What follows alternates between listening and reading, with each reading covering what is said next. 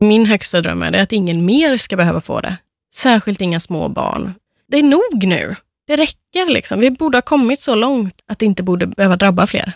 Det här är Sofia Larsson Stern, eller Diabetes-Sia som hon kallar sig. Diabetes-Sia är en så kallad influencer. Hon jobbar stenhårt med att informera om diabetes och får ut sitt budskap genom sociala medier och genom att skapa nya sociala nätverk. Därför känns det självklart att ha med Diabetes-Sia här. Vi vill ju också öka kunskapen om diabetes i och med den här podden. När vi spelar in det här avsnittet har inte Diabetesskalan varit än, men Diabetes-Sia medverkade där och har själv diabetes typ 1. Ja, det är så roligt att hälsa denna unga starka kvinna välkommen till Diabetesprofilerna. Ja, så roligt att vara här. Jag har hört flera lite upprört säga så här, jag är inte diabetiker, jag har diabetes. Ja, det är minerat fält det där. Det är väldigt delade åsikter kan man säga. Jag ställer mig helt neutral. Jag tycker att jag både är diabetiker och har diabetes. jag har försökt att passa mig för att använda uttrycket diabetiker. Men så träffar jag dig Sofia. Du föreläser, du berättar, du informerar, du samlar in pengar, du skapar communities och sätter ju verkligen ett ansikte på diabetesen.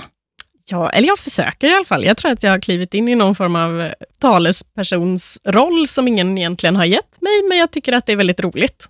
Du är diabetes-Sia. Ja, precis. Hur blev du det? Ja, jag fick diabetes när jag var 15, 2008. Och jag hade magrat liksom jättemycket och jag var törstig och jag var trött och sådär. Och hade jag vetat mer om eh, sjukdomen och symptomen så hade jag nog sett, eller jag hade sett precis vad som hände, eller min familj, men det finns ingen eh, historia av typ 1-diabetes i min släkt. Det var en sommar då, så att jag hade precis varit iväg på konfirmationsläger i en månad. Här, första gången man är iväg hemifrån eh, helt själv. Och en hel, hel månad var uppe dag och natt liksom och hitta på burs och sådär. Så att när vi åkte hem så skickade konfirmationsledarna med våra föräldrar en hälsning om att nu kommer de sova i en vecka, liksom, för de har varit uppe dag och natt. Eh, och jag var ju väldigt trött, men då hade ju det sin naturliga förklaring å andra sidan. Det berodde inte på att du hade varit ute och slarvat på nätterna? Nej, det, det hade uppenbarligen inte med det att göra. då. Men sen så vart jag väldigt törstig, alltså sån här onaturlig eh, törst. Jag vet att vi var iväg på en fotbollscup. Min lillebror skulle spela fotboll eh, den sommaren och då hade vi packat en liten picknick till matchen och åkt iväg. Eh, och i den här picknicken då så hade vi en så två liters flaska med typ juice med oss, för det skulle räcka till hela familjen hela matchen. Och den var ju slut innan vi hade kommit fram till planen, för att jag blev lite törstig. Och där var det också lite så här, ja, men någonting är nog inte helt rätt. Man kan vara törstig, kanske inte riktigt så törstig. Men å andra sidan så var det, jag tror det var värmerekord den sommaren i hela eh, Småland. Så att det var egentligen ingen som reagerade på det, för alla drack mycket. Det fanns en massa naturliga förklaringar ja. runt omkring också hela ja, tiden. Men precis, så att vi, hade ingen, vi hade ingen eh, anledning att oroa oss tänkte vi. Men det var när jag började tappa i vikt som, framförallt jag tror min mamma reagerade väldigt mycket. Jag, jag gick nog ner 9 eller 10 kilo och jag vägde inte så mycket till att börja med, så det syntes ju ganska mycket på en... Liksom, på den här sommaren? Ja, på bara två, tre veckor. Mm. Men tack vare samhällets eh, skeva bild av hur tjejer ska se ut, så var ju jag jättenöjd. Jag kunde ju spela gitarr på mina revben liksom, och jag tyckte att jag var snyggare än någonsin. Sorgligt, men sant. Men då tror jag att min mamma framförallt reagerade så det, det här är inte, det är inte normalt, att tappa så mycket vikt så snabbt. För hon såg ju att jag åt som vanligt och jag levde som vanligt och så. Tog hon med dig till sjukhuset då?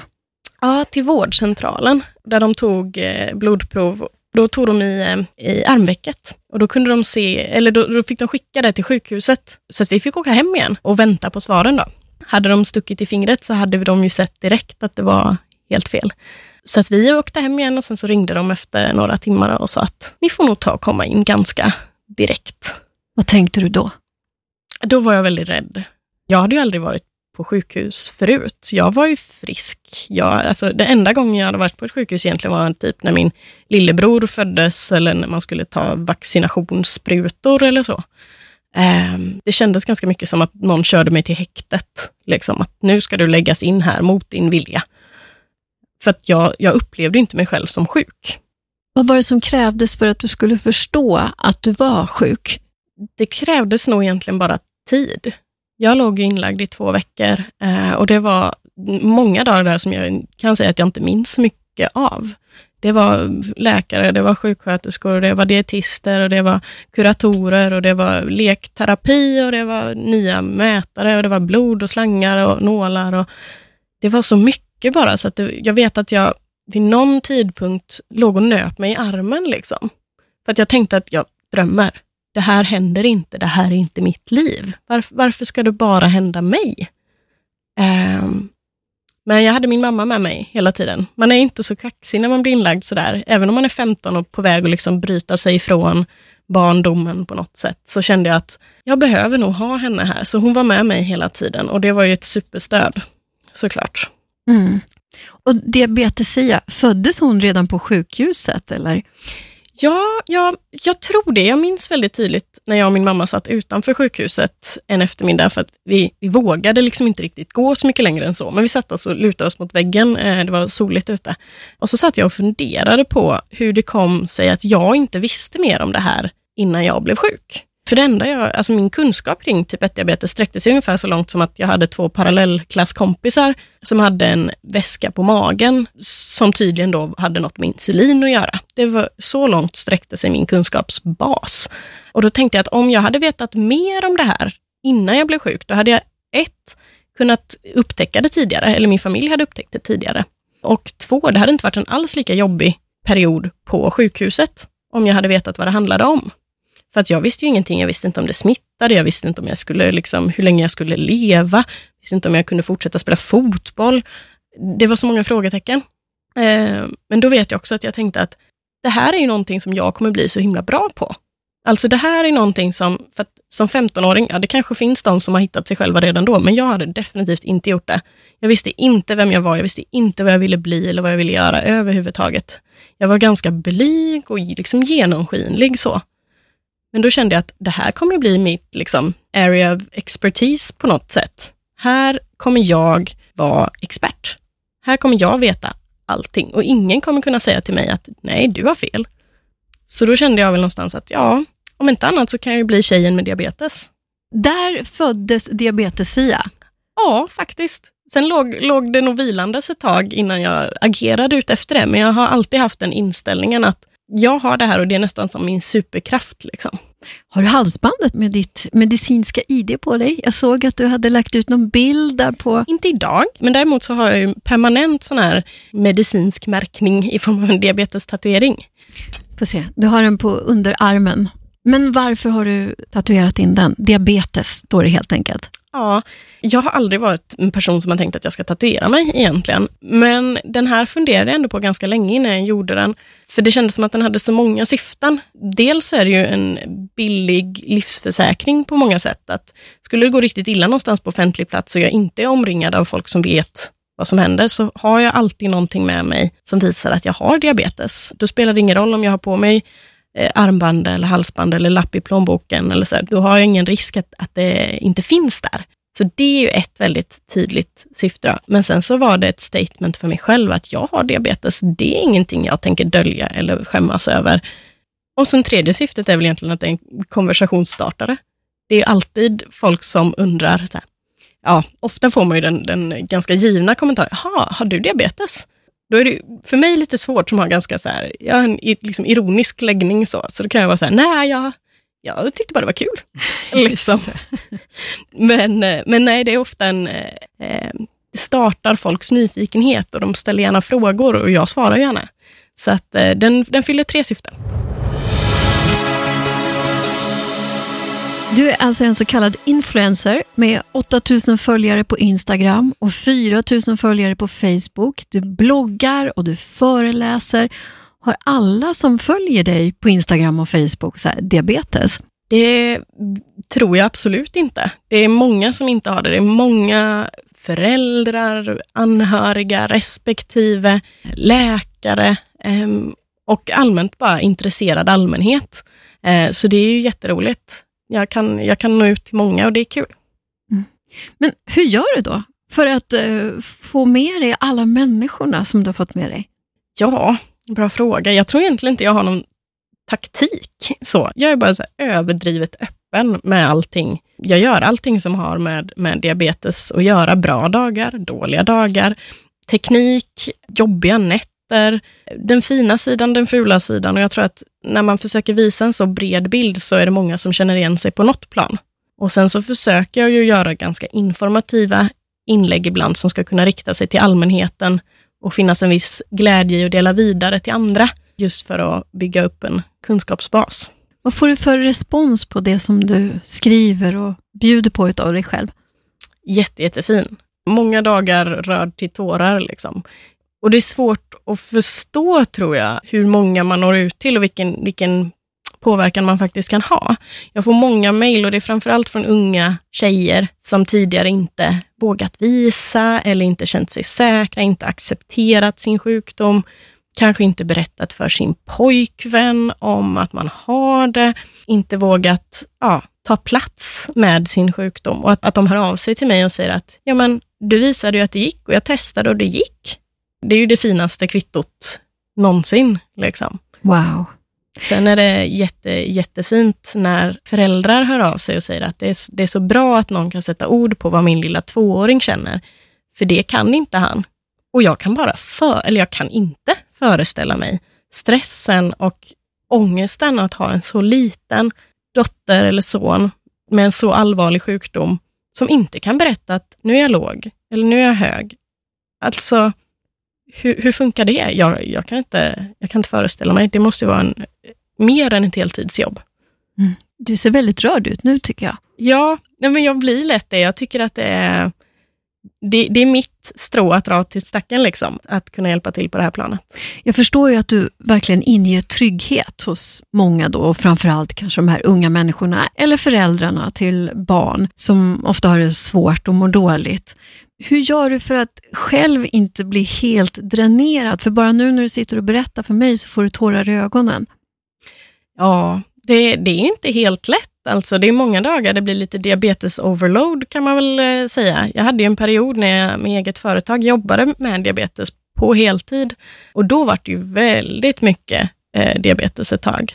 Men jag tror att jag får så himla mycket tillbaka att det är värt all den tid. Eh, man måste gå på djupet för att nå människor och få kunna göra någon påverkan.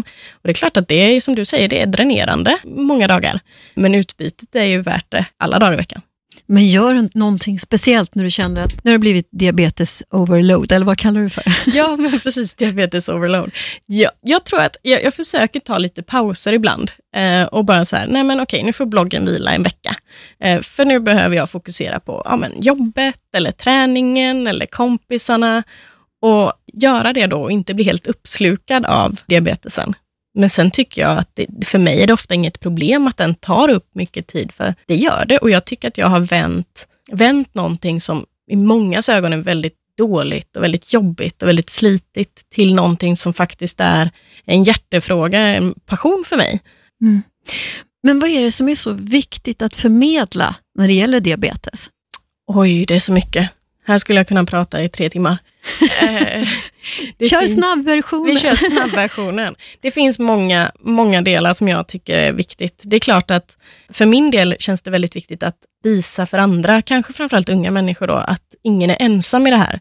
Jag tror att det är en väldigt, väldigt utbredd effekt eh, inom diabetessamhället, att man känner att jag är, jag är ensam i det här. Det är ingen som förstår hur det känns att ha ett jättelågt blodsocker, eller hur det är att krampa, eller hur det är att ha legat högt en hel natt och känna det som att man har bakis dagen efter. Det är nog många som känner att jag är helt själv liksom, och den enda kontakten man har det är med sjukvården. Så det tycker jag är ett av syftena. Det är klart, man kan inte fysiskt nå ut till alla. Man kan inte göra ett jättemöte med 50 000 typ 1-diabetiker. Det går inte och sen vill nog inte alla det heller. Men man kan göra ett online-community som är lättillgängligt för alla. Så det är ju en väldigt viktig sak. Annat viktigt är ju att slå hål på en massa fördomar och en massa okunskap som finns i samhället. Ja, jag har förstått att många som har speciellt diabetes typ 1 tycker att det finns väldigt mycket fördomar. Men vad är det för fördomar? Ja, jag har ju ändå på något sätt haft turen att inte mötas av allt för mycket själv, eftersom jag har varit så löjligt öppen med jag, jag berättar ju för folk även om de inte frågar i stort sett, så jag har ju alltid banat väg för mig själv, men man möts ändå mycket av sådana här saker som att ja, men min farmor hade diabetes och hon dog när hon var 50. Ja, ah, okej. Okay. Och då känner man så här, ska jag sätta mig ner med dig nu och ska vi prata här ett tag? För att du förstår nog inte riktigt konceptet. Och det är ju ofta i all välvilja som, som folk associerar diabetes till någonting som finns i deras liv. Det kan vara att min katt hade diabetes, eller som sagt min farmor. Men det är väldigt svårt när det inte görs skillnad på typ 1 och typ 2-diabetes, eh, som är två helt olika sjukdomar. Och då är det ju många som lever med typ 1-diabetes som möts av att, ja, ja, men du får väl skylla dig själv. Hade du bara ätit bättre och rört på dig mer så hade du inte fått diabetes. Och det har ju ingenting med saken att göra. Och jag förstår att folk blir frustrerade för att man kan känna det som att jag lever med en daglig kamp i sjukdomen i sig. Ska jag verkligen behöva kämpa mot det här också? Ska jag behöva hålla en föreläsning varje gång jag möter någon som tror sig veta bättre än mig? Det är ju jättejobbigt, såklart. Men, men också väldigt vanligt är det här, ja, ja, men det kunde ju varit värre. Oh. Ja, och det hjälper ju inte någonstans. Det är så, ja, det är klart det kunde varit värre. Absolut. Men jag har det jobbigt och man ska inte jämföra olycka. Så bara är det ju. Det är liksom en grundlag i världen ungefär. För då är det många som ser det som att ja, men det är bara att ta en spruta och så är det bra sen. Vad klagar du för? Ja, fast det är inte riktigt så. Det är inte bara att ta en spruta, utan det är ju ett jobb som är 24 timmar om dygnet. Och det är inte bara ett jobb för mig, utan det är ett jobb för de som är runt omkring mig också. Och framförallt då föräldrar som har små barn med typ 1-diabetes, så det är ju ett jobb för dem. Men jag känner också lite nu, nu ska jag faktiskt erkänna, för att vi har fått in en cola och banan och en bar här till dig och så. Du säger väl till nu ifall vi ska ta en paus så att du får, får i dig det här? Absolut. Jag har ju min lilla insulinpump här som håller koll på mig. Och den sitter där på linningen av din kjol. Ja. Du har 7,2 i socker nu. Ja, precis. Är du nöjd med det? Ja, men det känns bra tycker jag. Om man ska säga ett friskt blodsocker hos en icke-diabetiker brukar ligga på någonstans mellan 4 och 6 ungefär. Men sen en typ 1-diabetiker kan ju liksom åka upp och ner mellan 1 till 35. Och en sån berg dalbana mår man inte bra av. Så att eh, just nu så känner jag att jag ligger väldigt bra. Krävs ingen banan eller cola just nu. Ja, men det är bra.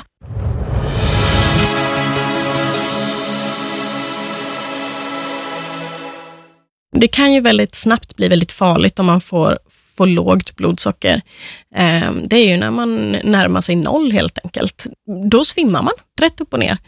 För att, som jag har fått förklarat det från vården, då, så stänger kroppen av alla onödiga funktioner ett tag för att klara av att hålla blodsockernivån uppe på en liksom levande nivå. Men hinner du bli varnad?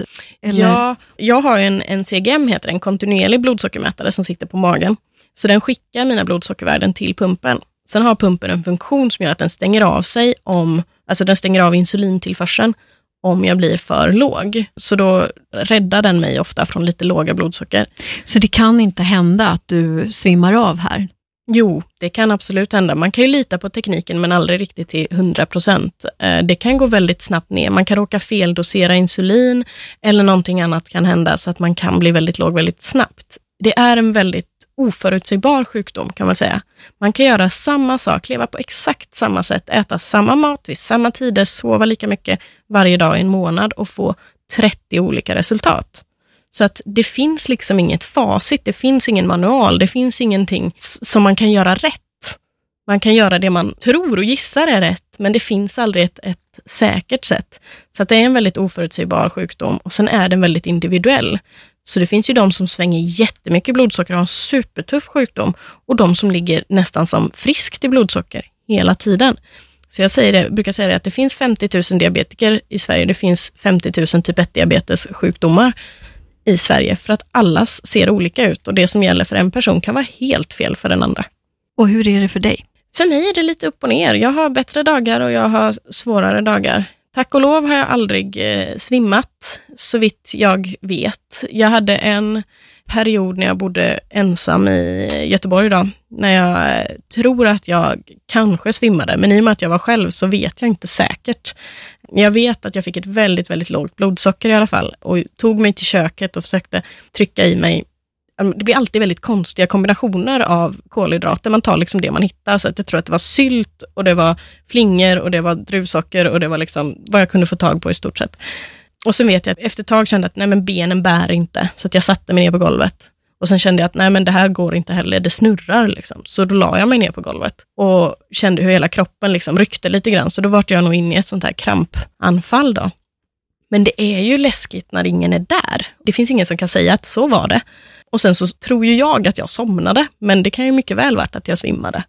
För jag vet att jag vaknade lite senare då med liksom druvsocker runt omkring mig och sylt i ansiktet. Och, och så. Och det var ju en väldigt eh, obehaglig upplevelse såklart. Men, mm. men jag vet att det finns de som har svår, om man ska kalla det så, men svårhanterad diabetes som svimmar kanske flera gånger i månaden. Då, då är det ju riktigt, riktigt jobbigt. Du svarar ju på många frågor på livesändningar på Facebook och på dina föreläsningar som du är på. Vilka är de vanligaste frågorna? Ja, det beror helt på vilken eh, publik det är, kan man väl säga. Föreläser jag inför allmänheten, liksom, då brukar faktiskt en vanlig fråga vara, varför har vi inte hört det här förut? Och det tycker jag är både roligt såklart, att de ser att det är en föreläsning som gör nytta, men jätteläskigt också att det är någonting som efterfrågas men inte finns. Eh, mer information om, om typ 1-diabetes. Eh, jag har pratat inför lärarkårer till exempel, som har ansvar för sm små barn, som inte har helt koll på vad ska man göra om någon svimmar av lågt blodsocker. Och det tycker jag är lika självklart att man ska veta som att man ska förstå stabilt sidoläge, eller hjärt och lungräddning eller epilepsianfall. Sen har jag fått som feedback efteråt då att den här informationen skulle vi vilja ha varje år. Och då kan jag tänka att, ja men varför händer det inte då? Varför får de inte den informationen? Det finns ju gladeligen folk som pratar. Vad tycker du är det svåraste att prata om när det gäller diabetes? Det var en svår fråga. Jag tror att något av det svåraste är hur det påverkar de runt omkring mig. För det, det är ändå på något sätt utanför min påverkan hur väl jag än sköter mig, eller vad man ska säga, eller hur mycket ansvar jag än tar, så kommer det påverka ja, men mina föräldrar, mina bröder, mina kompisar. För jag måste ju alltid ha någon form av backup. Skulle det hända något, vem ringer jag? Vem kommer? Hur mycket vet de? Jag utbildar dem i hur man använder en glukagonspruta, en sån här nödspruta, man blir jättelåg. Och jag vet att det finns en, en stress liksom, hos dem till exempel eh, mina föräldrar, då, när jag flyttade hemifrån, då var jag 19 och hade haft diabetes i fyra år. Och även om jag var vuxen på pappret så är det klart att de ser ju fortfarande mig som deras lilla bebis. Och så gör väl föräldrar alltid. Det spelar ingen roll om barnet är tre eller 30. Nej, absolut inte. Min dotter fyller snart 19 år och då att jag skulle släppa iväg henne hemifrån och veta om att hon har diabetes också. Men jag ser också att det här verkligen var lite jobbigare för dig, för nu har du blivit lite tårögd ja. Jo, nej, men jag vet att det är stressande för henne, framförallt min mamma då, som fortfarande ringer mig varje morgon för att se att jag har vaknat. Och det, det är hennes sätt att fortfarande ha kontroll, att hon känner ansvar och det kommer hon nog aldrig bli fri ifrån. Eh, och samma sak mina kompisar och kollegor. Och det är klart att de får ett extra ansvar som kan kännas övermäktigt för dem. Och det är faktiskt lite svårt att inte känna dåligt samvete för det, även om det inte är mitt fel. Så du känner dåligt samvete för att de runt omkring dig är oroliga? Ja, lite så. För rent krast så är det så att skulle någonting hända mig, skulle jag svimma, så är det inte där och då någonting som drabbar mig. Det är ingen jätteläskig situation för mig. Däremot för de runt omkring mig kan det ju se superläskigt ut. Och de ska veta hur de ska hantera det och det ska gå snabbt och det ska ringas ambulans och det ska in på sjukhus. Och det är ju såklart jättejobbigt. Och det är ingenting som jag vill lägga på dem. Men det är ju inte ditt fel. Nej, precis. Men det är där mycket kring eh, typ 1-diabetes ligger också tror jag. Att många känner att de till exempel skäms för sin diabetes. För att samhället har vissa uppfattningar om varför man har fått det, hur man bör sköta det och sådär. Men att skämmas för någonting som man inte har, kan påverka själv, det är många också som kritiserar. Att det är så här, men varför skäms du då? Ja, men det kanske inte är så lätt att förklara. Jag känner så här nu och det är ju ett dilemma, liksom, eller det är en svår situation att skämmas för någonting som man inte kan påverka.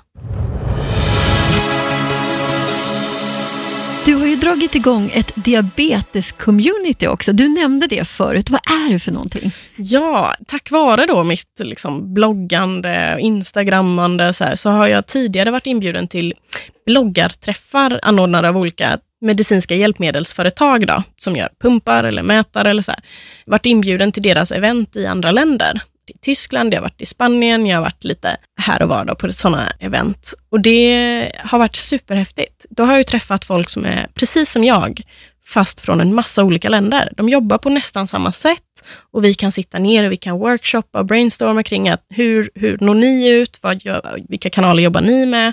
Men också, vad har ni för påverkanskraft i samhället? Hur ser er sjukvård ut? Och efter att ha gått på de här då i ett par år och liksom fått se hur starka de här diabetescommunityna är i andra länder. Om man ser på Tyskland så har de någonstans mellan 150 och 200 aktiva diabetesbloggare. Och de har ett jätte, jättestarkt online-community där de har digitala meetups varje vecka, där alla kan liksom ventilera och diskutera. Och Då kunde jag känna att, nej men vänta nu, varför finns inte det här i Sverige?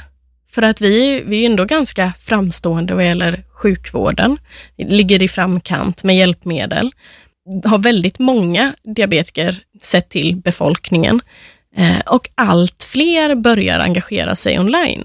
Eh, när jag började blogga var det inte så många som uttryckte sig om sin sjukdom online i Sverige. Och Då tänkte jag att nej men, vi måste arrangera någon form av sån här workshop, event-grej i Sverige också. Så jag gick ihop med ett, ett sån här hjälpmedelsföretag då, och tillsammans med dem anordnade jag en träff i Stockholm som eh, ägde rum för ett par veckor sedan, där vi försökte samla några av de influencers som jag anser har bäst inflytande kanske och bäst attityd till sin sjukdom. Eh, och flera av dem hör vi här. Ja, men precis. I andra poddavsnitt. Ja, jätteroligt. Eh, och nej, men så vi sågs egentligen i ett, ett, konferensrum och delade verkligheter. Hur jobbar vi på våra olika håll och hur kan vi jobba mer ihop framöver? Det är väldigt lätt att man gör sin grej på sitt spår och nästan blir lite konkurrensrädd. Vilket jag tror en, kan vara en jättestor käpp i hjulet om man ser det som att ah, men eh, hon har mer följare på Instagram än vad jag har eller jag, nu kan jag inte publicera något för nu har hon just publicerat något. Och det är inte den sortens konkurrens vi behöver. Vi behöver ju gå ihop och istället sätta liksom konkurrens mot okunskapen. Det är ju enad styrka som är starkast. Eh, så att vi pratade om hur vi kan liksom göra ett team. Så vi startade någonting då som heter Diabetes team 1 på Instagram framförallt. Då. Och då är vi ett gäng profiler med helt olika bakgrund liksom, och olika ålder och olika kanaler. Då, som på olika sätt vill hjälpas åt nu att påverka samhället helt enkelt. Vad spännande. Ja, det är jätteroligt. Alltså jag sitter här och tittar på dig och lyssnar på dig. Jag kan inte förstå att du bara är 24 år och har åstadkommit så mycket redan. Du har ju till och med hunnit skriva en bok. Ja, tillsammans med en annan typ 1-diabetiker så samlade vi ihop eh, ett helt gäng typ 1-diabetiker från hela världen som tillsammans fick berätta sina egna historier. Och så skrev vi ihop det här, eh, satte ihop med våra egna historier och så gav vi ut en bok som vi tänker ska kunna styrka människor i att tänka att jag kan göra vad jag vill. Typ 1-diabetes ska inte stoppa mig. Åh, vad fint. Men du, med alla de här sakerna som du har gjort, vad är du mest stolt över? Ja, jag har ju många olika spår. Liksom, som jag, jag tycker att det har varit jättehäftigt att få vara och föreläsa på Karolinska Universitetssjukhuset till exempel, eller sitta i Nyhetsmorgon och prata om typ 1-diabetes.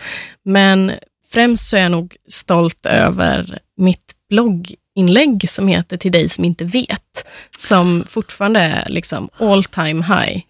Ser du att ehm, jag ryser nu? Ja, jag ser lite gåshud. Du fick faktiskt mig att gråta lite. Är det så? Mm. Ja. Jag, jag kommer faktiskt inte ihåg riktigt vad, vad, inspirationen var, mer än att jag vet att jag kom hem en dag och kände att nej men nu, nu är det nog. Liksom. För då hade jag fått så mycket mejl om att det fanns okunskap och folk visste inte vad de skulle säga till de som inte kunde någonting och sådär. Och då kände jag att nej men okej, då skriver jag ner lite här. Så då gjorde jag ett inlägg som hette Till dig som inte vet, som egentligen vänder sig till alla som, som inte berörs av diabetes i sitt vanliga liv. Um, och jag tror att det fick sån spridningskraft för att det heter just till dig som inte vet. För jag tror att befolkningen är ganska vetgirig, så säger man att nej, men du vet inte, då blir alla genast väldigt läsugna och ska säga, ja men jag ska bevisa att jag vet. Och det är ett blogginlägg som har lästs av ja, nästan ja, mellan en halv och en miljon människor delats på Facebook 40 000 gånger och skrivits om i diverse olika medier. Och Det fokuserar egentligen mest på så här, vad diabetes är, vad det absolut inte är och vad man ska göra i en akut situation. Då. Och oavsett hur häftigt det är att se sitt, liksom, sina bilder och sina ord sväva upp lite här och var och delas av alla möjliga människor, så tyckte jag ju att det, alltså om det har delats 40 000 gånger, det finns 50 000 typ 1-diabetiker i Sverige, då finns det en sån oerhört stor kunskapslucka som måste fyllas. Och då kände jag ändå att här har jag faktiskt nått ut, här har jag faktiskt gjort skillnad på riktigt. Och jag tycker det är så kul, för det delas vidare fortfarande idag och det är länge sedan jag skrev det. Helt fantastiskt. De sista orden där, får jag läsa dem? Ja. I dagsläget finns inget botemedel för typ 1-diabetes, men vi kämpar varje dag med hopp om att en dag kunna säga jag hade diabetes. Snälla samhället, ge oss inte ett intryck av att vi måste förminska eller rent av dölja vår sjukdom. Det gör allt så mycket jobbigare. Ja, precis så. Vad är din högsta dröm när det gäller diabetes? Min högsta dröm skulle jag väl nästan alla dagar i veckan ha sagt att bli frisk. Men jag tror också att jag är så set in my ways nu att jag kan lika gärna leva med det här. Min högsta dröm är att ingen mer ska behöva få det. Särskilt inga små barn. Det är nog nu. Det räcker liksom. Vi borde ha kommit så långt att det inte borde behöva drabba fler. Alltså det var helt fantastiskt att få träffa dig Sofia. Tusen tack för att du kom. Jättekul att få vara här.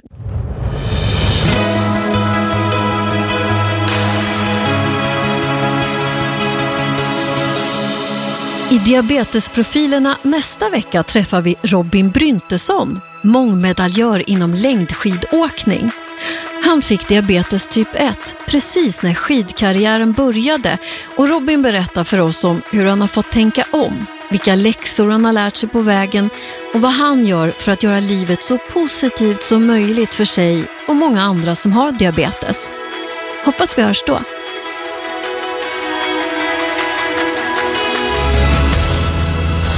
produceras av I Like Radio. I like radio.